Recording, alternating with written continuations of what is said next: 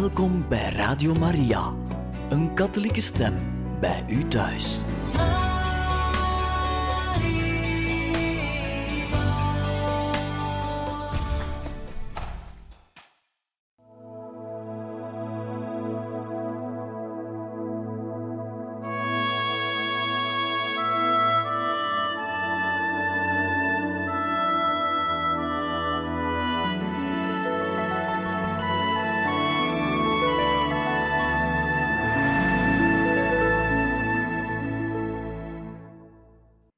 Luisteraars van Radio Maria, hartelijk welkom in dit programma Heilige Getuigen, waar wij verder gaan met de lezing uit het boek De Wenende Maagd van La Salette, geschreven door eerwaarde heer De Vleeschouwer.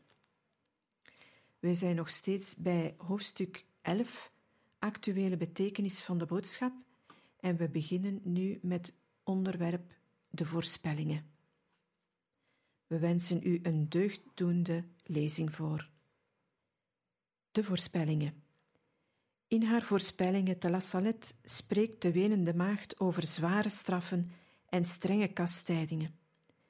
Ze kan de straffende arm van haar zoon niet langer meer tegenhouden. Hij is zo zwaar.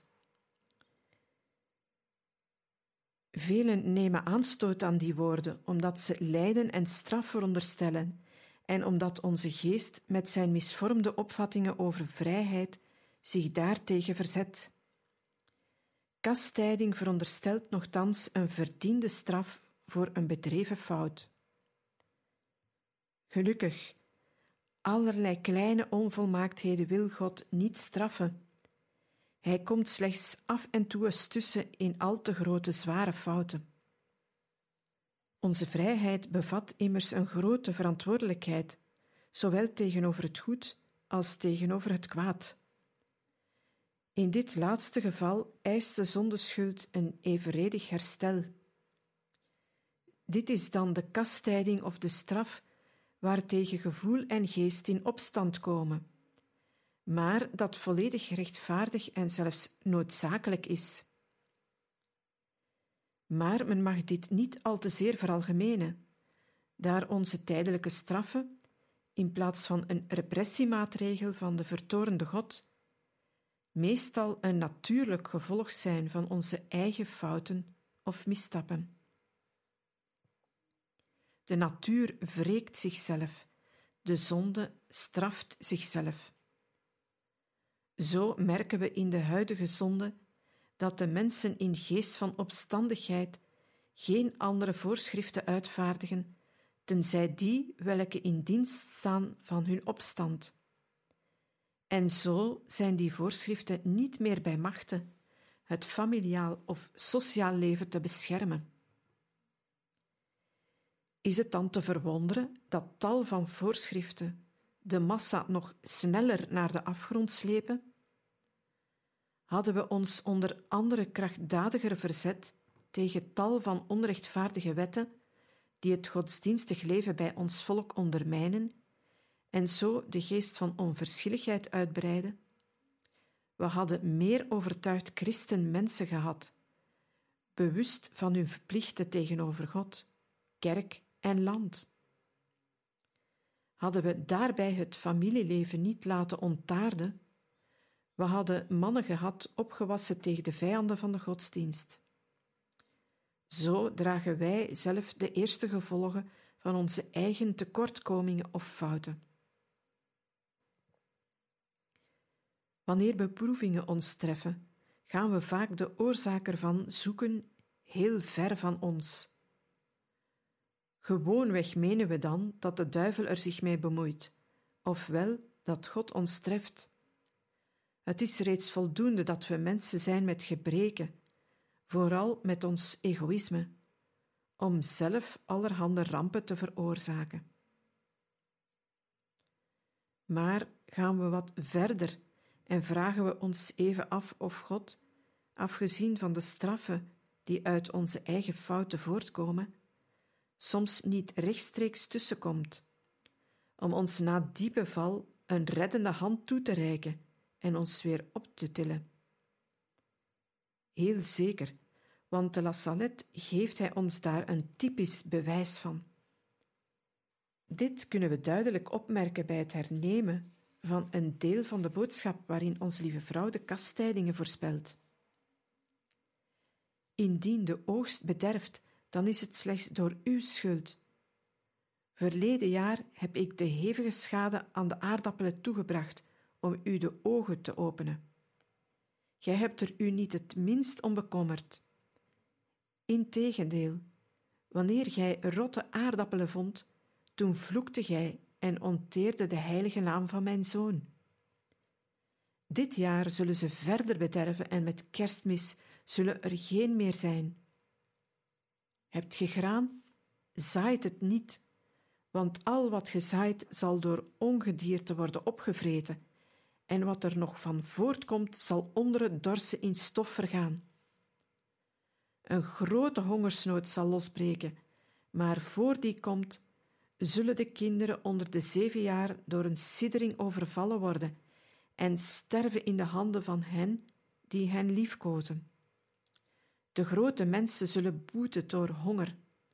De noten zullen slecht worden en de druiven zullen rotten. Welk eigenaardig feit! De heilige maagd die in de kledij van een dienstmeid uit de hemel neerdaalt om te komen spreken over aardappelen, noten en druiven. Is dit geen bewijs van de reusachtige omvang en van de fijne nauwkeurigheid van haar zending? Enkel kortzichtige mensen staan hierover verwonderd en geërgerd, terwijl voor hen die willen nadenken nieuwe horizonten opdagen. Wij die zoveel fouten hebben bedreven, wij zouden geërgerd zijn bij het zien dat die materiële fouten door materiële kastijdingen worden hersteld? Zoiets is toch zeer logisch. Als onze lieve vrouw ons spreekt over tijdelijke straffen, dan is dit omdat ze weet dat wij meer vatbaar zijn voor beproevingen naar het lichaam dan naar het geloof of het geweten. Had ze gezegd: Uw zielen zullen ver van mijn zoon wegkwijnen, zoals een dorstig hert in de woestijn zucht en snakt naar een waterbron. Hoe weinigen hadden daartegen aanstoot gevonden. Maar door te voorspellen dat we door gebrek aan aardappelen en graan zullen honger lijden, daarmee zal ze iedereen bereiken. Meer nog, in deze bedreigingen ontdekken we iets van de wonderbare economie, van de plannen van de goddelijke voorzienigheid. Zeer dikwijls beoordelen wij de weldaden hier beneden veel te kortzichtig. We vinden alles heel natuurlijk. Onze ziel zweeft wel eens hoger zoals een leeuwerik hoog in de wolken. Maar de vogel die kwelend en zingend het luchtruim inzweeft, daalt neer op de grond om daar zijn lichamelijke kracht te zoeken. Evenzo is het met de mens, geschapen met ziel en lichaam. Het lichaam tempel van de ziel. Zo staan natuur en bovennatuur in dienst van elkaar.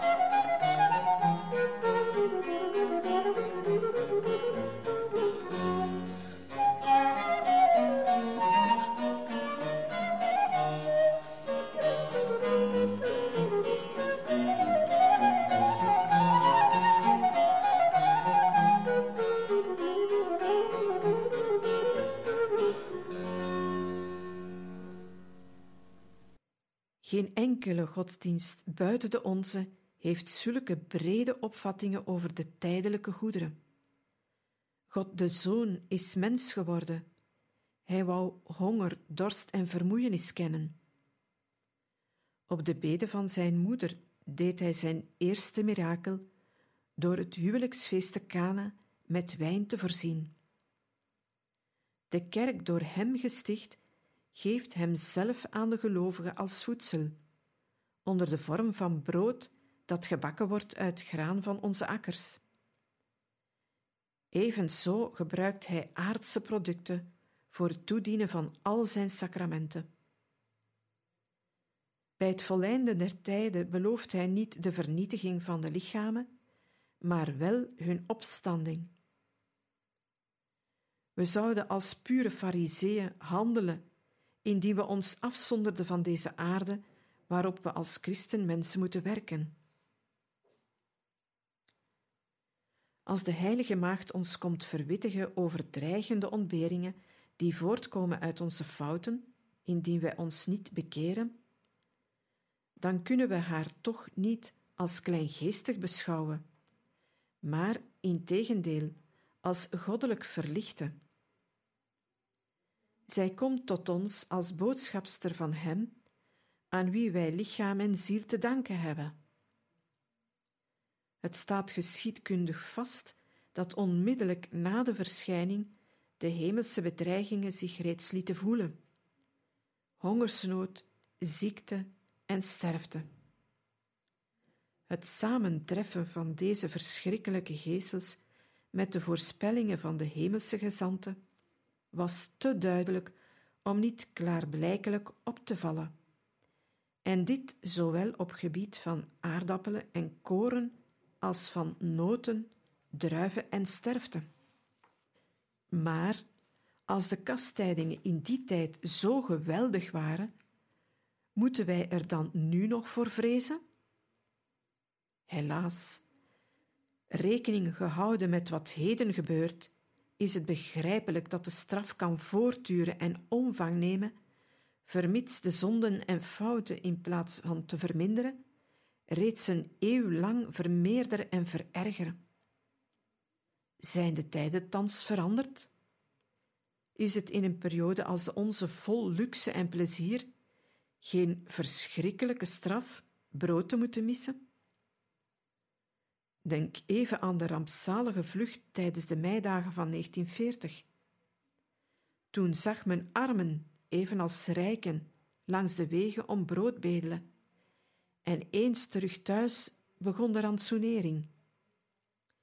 De lange rijen hongerigen die aan de schamel voorziene voedingsmagazijnen aanschoven, zinspeelden als vanzelf op de bedreigingen van La Salette. Zijn die rampen de laatste jaren niet in aantal en omvang toegenomen? Denk even aan de nood en aan de gruweldaden in Oost-Europa, de oorlogen in Azië en Noord-Afrika. Denk dan ook nog aan de massale rampen veroorzaakt door allerlei natuurkrachten, orkanen, aardbevingen, overstromingen, waardoor massas mensen tegelijk omkwamen of in de zwaarste ellende vielen. Staat dat alles soms ook niet in het kader van de bedreigingen door de wenende maagd de La Salette voorspeld? God is rechtvaardig, maar vergeten we ook niet dat Hij barmhartig is. De La Salette toonde zijn moeder ons van de ene kant geweldige straffen maar anderzijds ook overvloedige vergoeding. Indien de mensen zich bekeren, zullen stenen en rotsen tot bergen van graan worden, en aardappelen zullen er zijn in overvloed, als vanzelf geplant.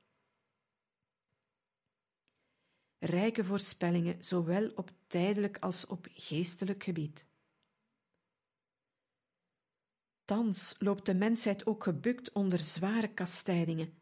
Wat staat ons te doen om daarvan verlost te geraken?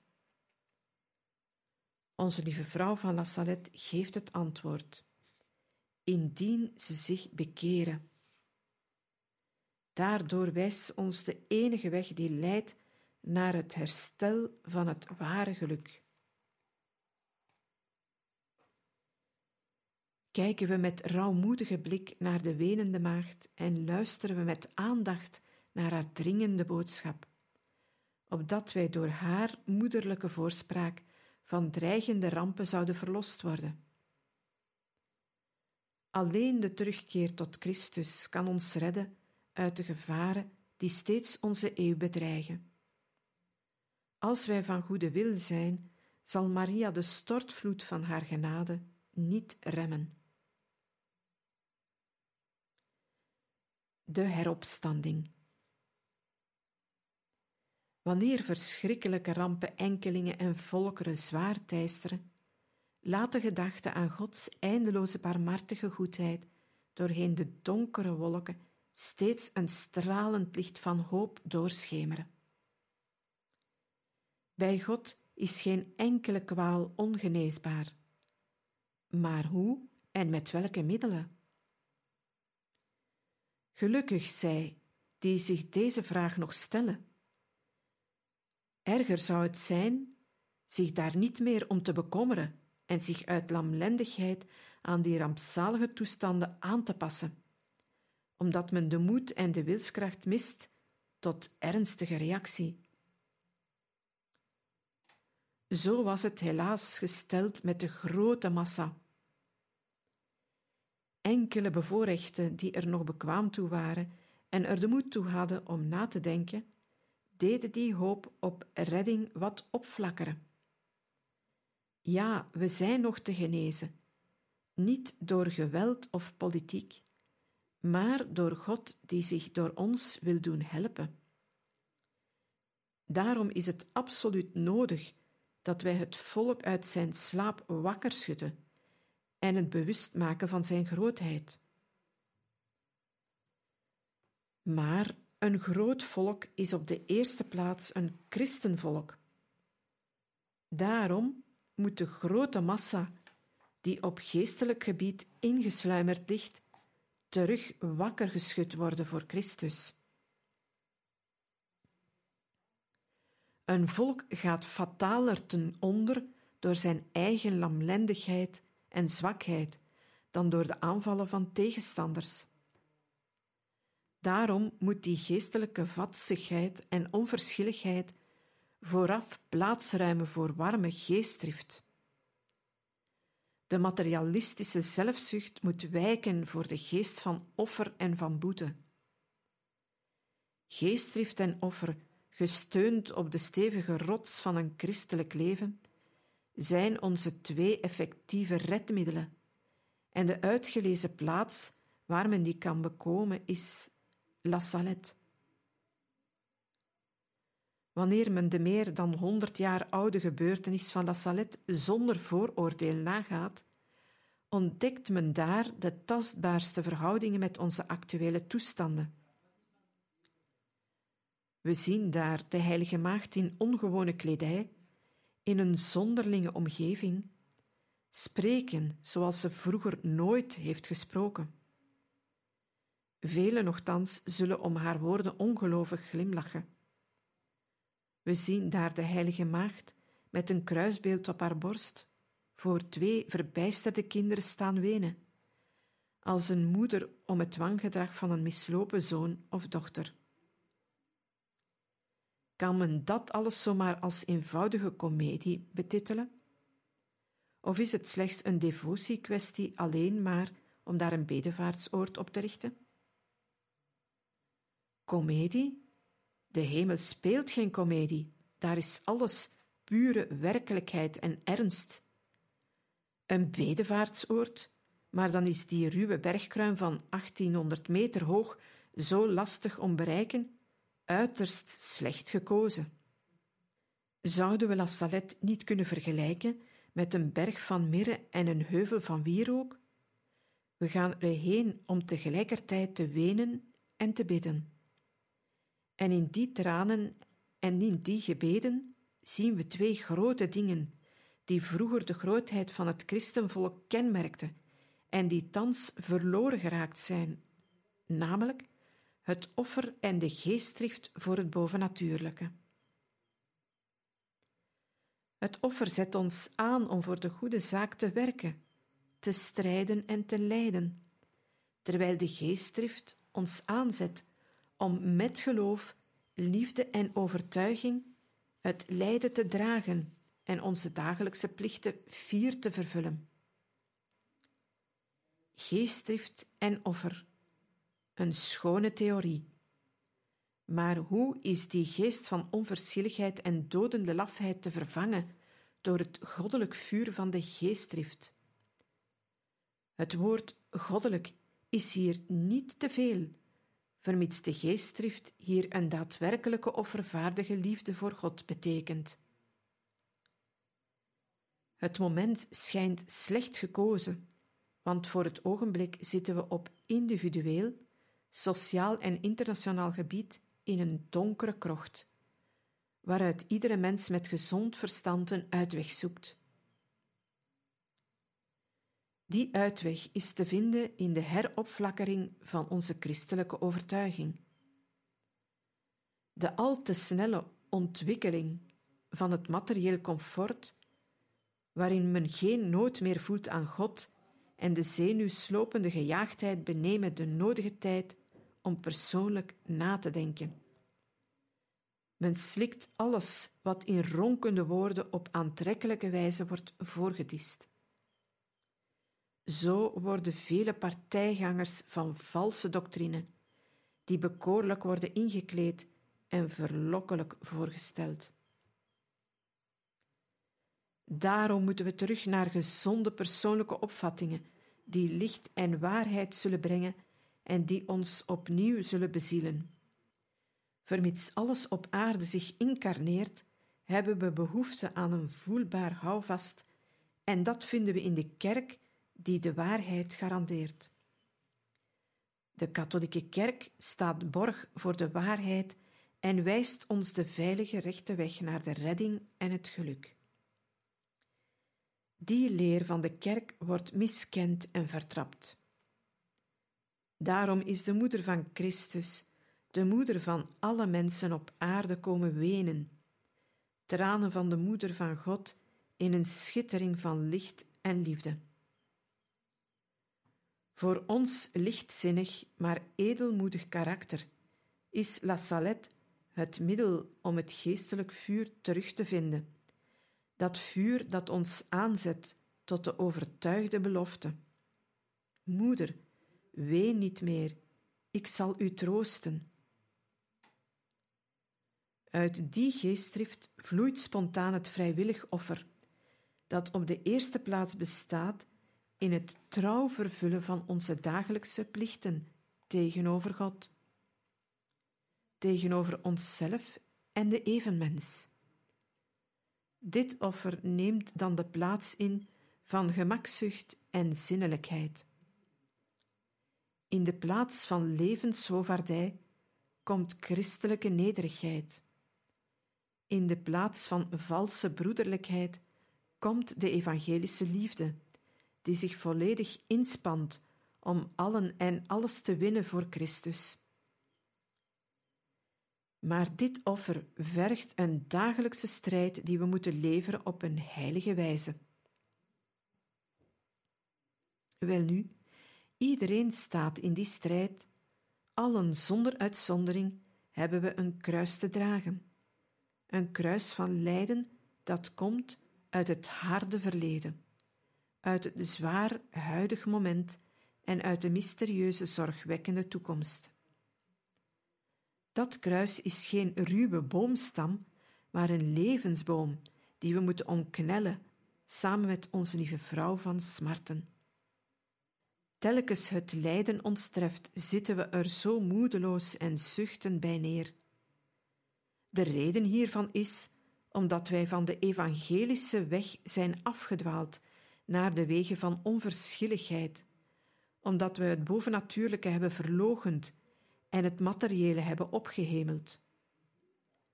We moeten terug naar Christus en door Hem zal de hoop op betere tijden weer opdagen. In de natuur gehoorzaamt alles aan vaste wetten: planeten, planten en dieren. Alleen de mens die nog niet eens meester is over zijn adem, zoals de Ecclesiasticus, hoofdstuk 8, vers 8 zegt: Schrikt af van de onderwerping, als gevolg van de stoornis door de erfzonde in hem teweeggebracht. Nochtans, de leer van het evangelie bevrijdt de mens uit de kerker van zijn persoonlijke hartstochten en van zijn slavernijen. Hij verdrijft de opgesloten, stikkende lucht van het egoïsme, om met God aan de uitbouw van het wereldplan samen te werken. Sedert meer dan een eeuw reeds nodigt onze lieve vrouw van op de kruin van de gezegende berg van la Salet haar kinderen uit om te bidden. In tranen en droefheid kwam ze daar smeken om onderwerping, gebed en boete. Daarin alleen ligt de redding van de wereld. Een volk dat bidt zal een volk redden dat niet meer bidt, schreef Paus Leo XIII in zijn wereldbrief Rerum Novarum. Te La Salette onderlijnde onze lieve vrouw de absolute noodzakelijkheid van het gebed. Bid gij goed, mijn kinderen. Ja, gij moet goed bidden. Wilt gij aanhoord worden, bid dan goed s'morgens en s'avonds. Dit bevel raakt de ganse wereld en is zo categoriek dat het geen enkele opwerping duldt. Zelfs niet deze van gebrek aan tijd. Wanneer gij geen tijd hebt, zegt ze, bid dan minstens één Onze Vader en één wees gegroet. Doch, als je wel tijd hebt, bid er meer. Het voornaamste is de geest van gebed, die ieder werk kan begeleiden en, zoals Pater Charles zegt, zich plaatsen niet naast het werk zoals een zuster naast haar broer, maar in het werk zelf, zoals de ziel in het lichaam. Onze lieve vrouw legt de nadruk op haar smekende tussenkomst bij haar goddelijke zoon, om ons aan te tonen dat het smeekgebed ook voor ons absoluut noodzakelijk is. Het is niet het uiterlijk vertoon dat het hart van God raakt, maar het innig gebed gesteund door het offer. Is Maria niet de smekende almacht? Bestaat de grote les van haar leven niet in eerst Christus aan de wereld te schenken en nadien de wereld naar Christus te brengen? In al haar verschijningen, maar vooral te La Salette, spreekt zij van haar onophoudend gebed. Als ik niet wil dat mijn zoon u verlaat, moet ik onophoudend voor u bidden. Wie bidt is nooit alleen. Het gebed is immers een daad tussen twee, waar God, alhoewel onzichtbaar, de eerste rol vervult.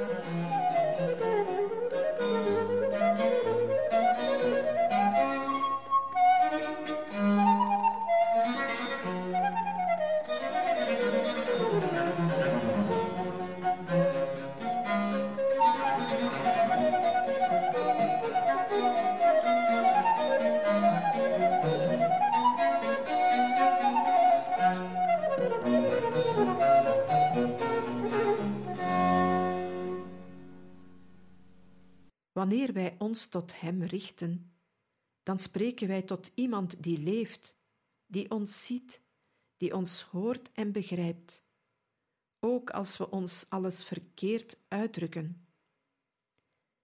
Laten we dus nederig en eenvoudig te werk gaan.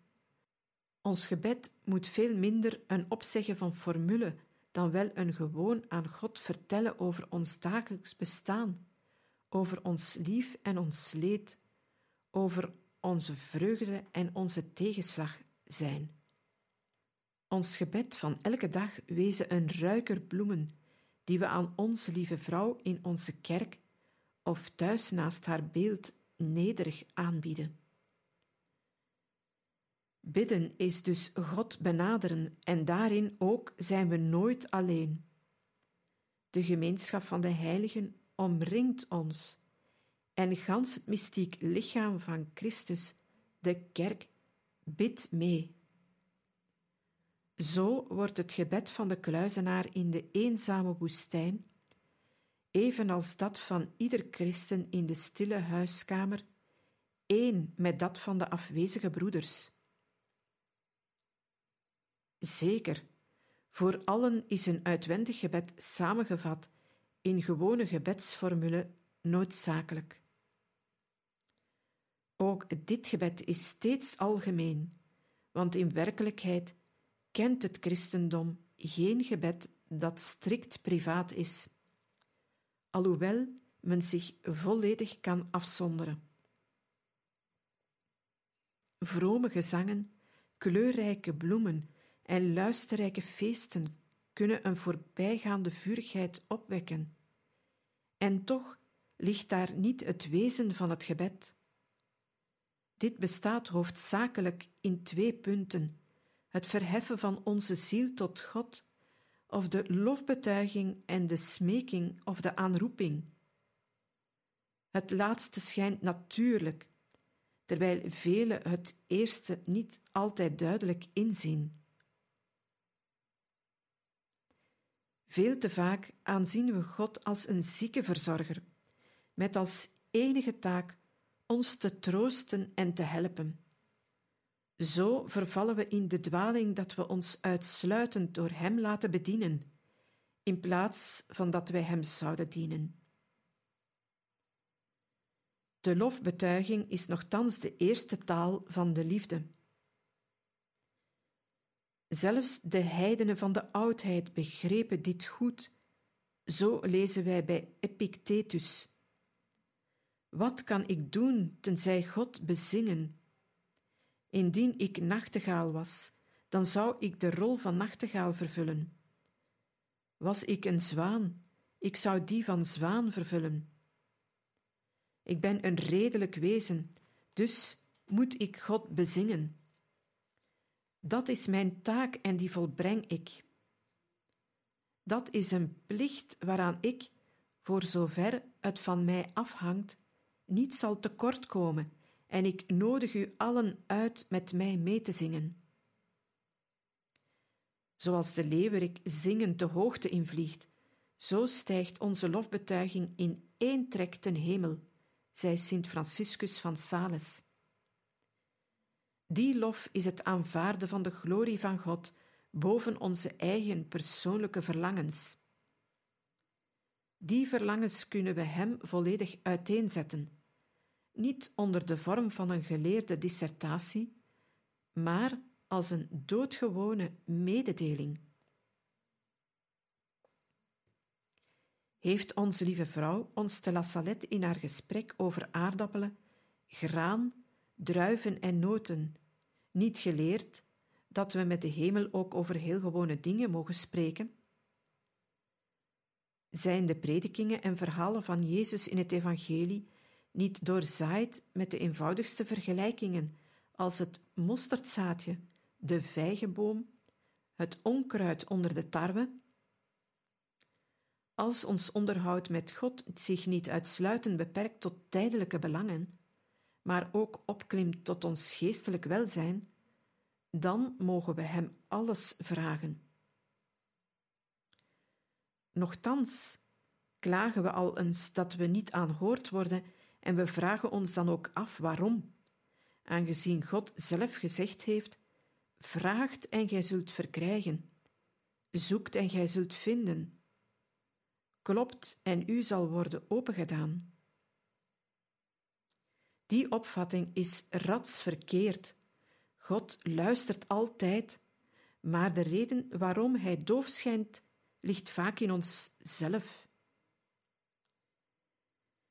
Wanneer wij onze handen samenvouwen om te bidden, hebben wij die dan eerst leeggemaakt van al hetgeen God niet zegenen kan? Mijn geliefde kinderen, zegt Sint-Jan, als ons hart ons niets te verwijten heeft, dan kunnen we met volle vertrouwen tot God gaan en verkrijgen we van Hem al wat wij vragen, want wij onderhouden Zijn geboden en doen wat Hem behaagt. Eerste brief van Johannes, hoofdstuk 3, vers 21 tot 22. Wanneer wij integendeel slaaf zijn van onze zinnelijke neigingen, wanneer ons leven slechts bestaat in een zenuwachtige jacht naar geld en genot, wanneer wij daarvoor over de zo noodzakelijke wetten van God heen stappen, kan God ons dan zomaar aanstonds aanhoren wanneer wij Hem nodig hebben? In hoeveel huisgezinnen wordt onze lieve Heer niet brutaal aan de deur gezet door huwelijksmisbruik, ontrouw of overspel? Velen hebben de zondag geen tijd of geen zin om naar de mis te gaan. Vlees derven op vrijdagen is hen veel te lastig. Wanneer God dan laat voelen dat hij nog bestaat, als ziekte of tegenslag opdagen, dan zijn de mensen verwonderd dat God hun niet aanstonds verhoort als ze hem nodig hebben, en durven ze zelfs vragen waar ze zoiets hebben verdiend. Dat die vooraf beginnen met ons lieve Heer in hun leven de plaats te geven die hem met recht en reden toekomt. Dan eerst zullen ze vol vertrouwen naar hem mogen opzien, en dan kan hij ook zijn barmhartige en zegende blik op hen laten rusten. Wezen we ook indachtig dat woord van de Meester tot zijn leerlingen en dat we vaak op ons kunnen toepassen. Gij weet niet wat gij vraagt. Marcus 10 hoofdstuk vers 38. Zijn we niet als het kleine meisje dat aan het ziekbed van haar zuster had horen zeggen: de koorts zou moeten dalen, en dat toen met aandrang smeekte: Mijn God, Maak dat de koorts tot nul komen. Maak dat mijn zuster nul heeft. Als we zoiets aan God vragen, dan wensen we ons eigen ongeluk, en dan bestaat de grote barmhartigheid van God in te weigeren hetgeen we vragen. Maar buiten die gevallen bidden we met zodanig vertrouwen dat ons gebed de hemel tot geven dwingt. Men bekomt van God zoveel men verlangt, zei het heilig Theresie van het kind Jezus. In onze huidige tijd hebben we alles en zoveel te vragen midden de algemene rampen die ons langs alle kanten bedreigen. Laten we ons letterlijk in het goddelijk hart werpen als in de enige veilige schuilplaats tegen alle ongelukken en gevaren bestand bidden we ook met volharding. Sedert de tijd dat ik voor u leid, leert Maria ons te La Salette en ze voegt er ons aan toe: Als ik niet wil dat mijn zoon u verlaat, ben ik verplicht hem onophoudend voor u te bidden. Bidden zonder ophouden. Zij kan dat. Zij, de trouwe maagd, de smekende almacht terwijl onze zwakheid ons niet toelaat zulke graad van gebed te bereiken, aanvaarden we dan ten minste met geloof en nederige onderwerping het uitstel van de hemel om onze beden te voldoen. Beste luisteraars, we beëindigen hier voor vandaag deze lezing uit het boek De Wenende Maagd van La Salette en gaan volgende keer verder met het onderwerp Als je geen boete doet, zult je allen omkomen. We hopen dat deze lezing u gesticht heeft en u genade heeft geschonken. En we wensen u nog een gezegende avond toe en tot een volgende maal.